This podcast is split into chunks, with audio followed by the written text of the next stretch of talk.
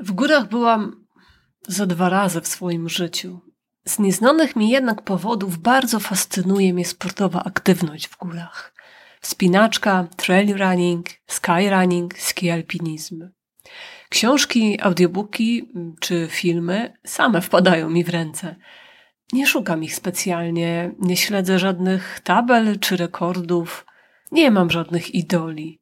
A jednak tak po prostu w pewnym okresie mojego życia oni sami i ich historia docierają do moich oczu, uszu i przede wszystkim emocji. Tak naprawdę jest wiele górskich ludzkich historii, niewiarygodnych wręcz opowieści, które czasem bardziej zgłębiam.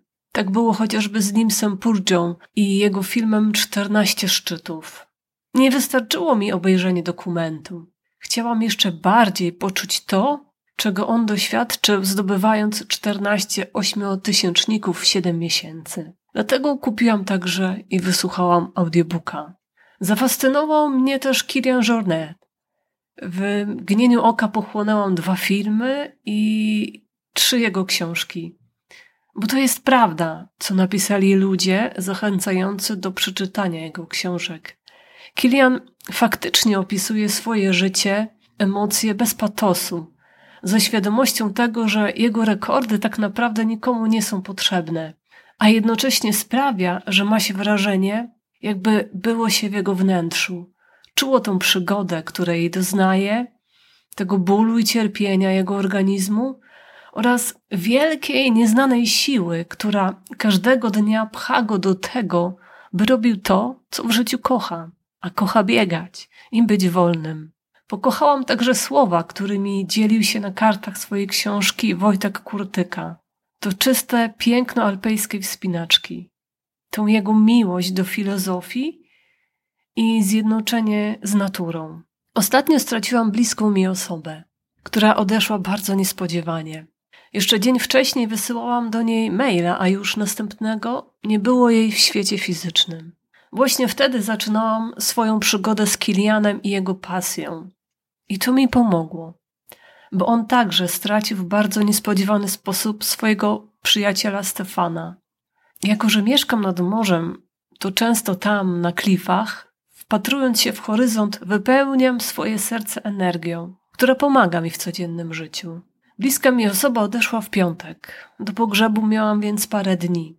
Były mi one potrzebne po to, by pożegnać ją na swój własny sposób. Chciałam ją poczuć, a w otoczeniu przyrody zawsze mam taką pewność, że jestem bliżej tej wielkiej, niewidzialnej siły, która jednocześnie tak realnie działa w moim życiu. Kiedy siedziałam na klifie, patrząc na morskie fale, rzuciłam pytanie: Gdzie ty teraz jesteś? Usłyszałam w sercu odpowiedź: Nie martw się, jestem szczęśliwa. I w swojej wyobraźni zobaczyłam tą osobę, jak była młoda, piękna i roześmiana, Widziałam, jak biega tak lekko po trawie, na łące pełnej kwiatów, które tak bardzo kochała. I pomimo bólu i cierpienia, jakich doświadczałam, to poczułam także jej radość. A kiedy wracałam do domu, to po prawej stronie zobaczyłam takie gigantyczne żółte światło zachodzącego słońca. Ono było ciepłe, było bardzo jasne i w tym symbolu także ją poczułam. I uśmiechnęłam się.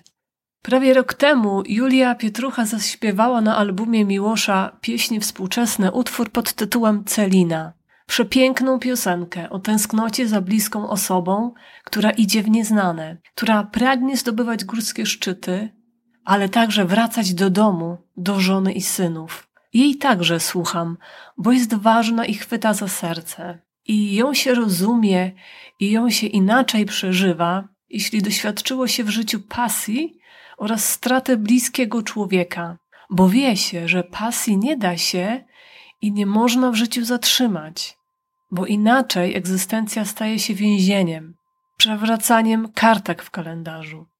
A człowiek zostaje wyzuty z uczuć i emocji i wpada tylko w powtarzalne i systemowe życie. Czego pasja i śmierć uczą? Są szokiem.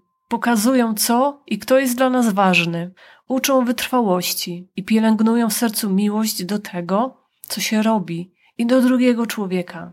Są też lękiem przed porażką czy utratą, ale ten lęk jest jakby inny. On nie paraliżuje, lecz motywuje.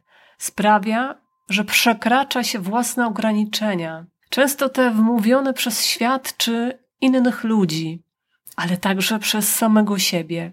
Pasja i śmierć pokazują także, na ile nam tak naprawdę zależało, żeby wytrwać, być otwartym na nowe doświadczenie, często nawet wywrotowe, bo tak naprawdę pasja i relacja z drugim człowiekiem balansują także na krawędzi własnych uczuć i emocji.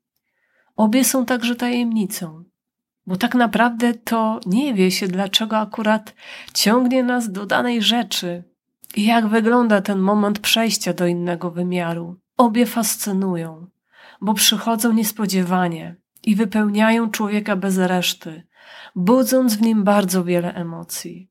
Jestem wdzięczna za te doświadczenia, odkrywania w życiu pasji i własnych reakcji na odejście drugiego człowieka. Bardzo wiele mnie nauczyły i nadal uczą. I co ważne, są różne w zależności od tego, w jakim momencie swojego życia aktualnie jestem.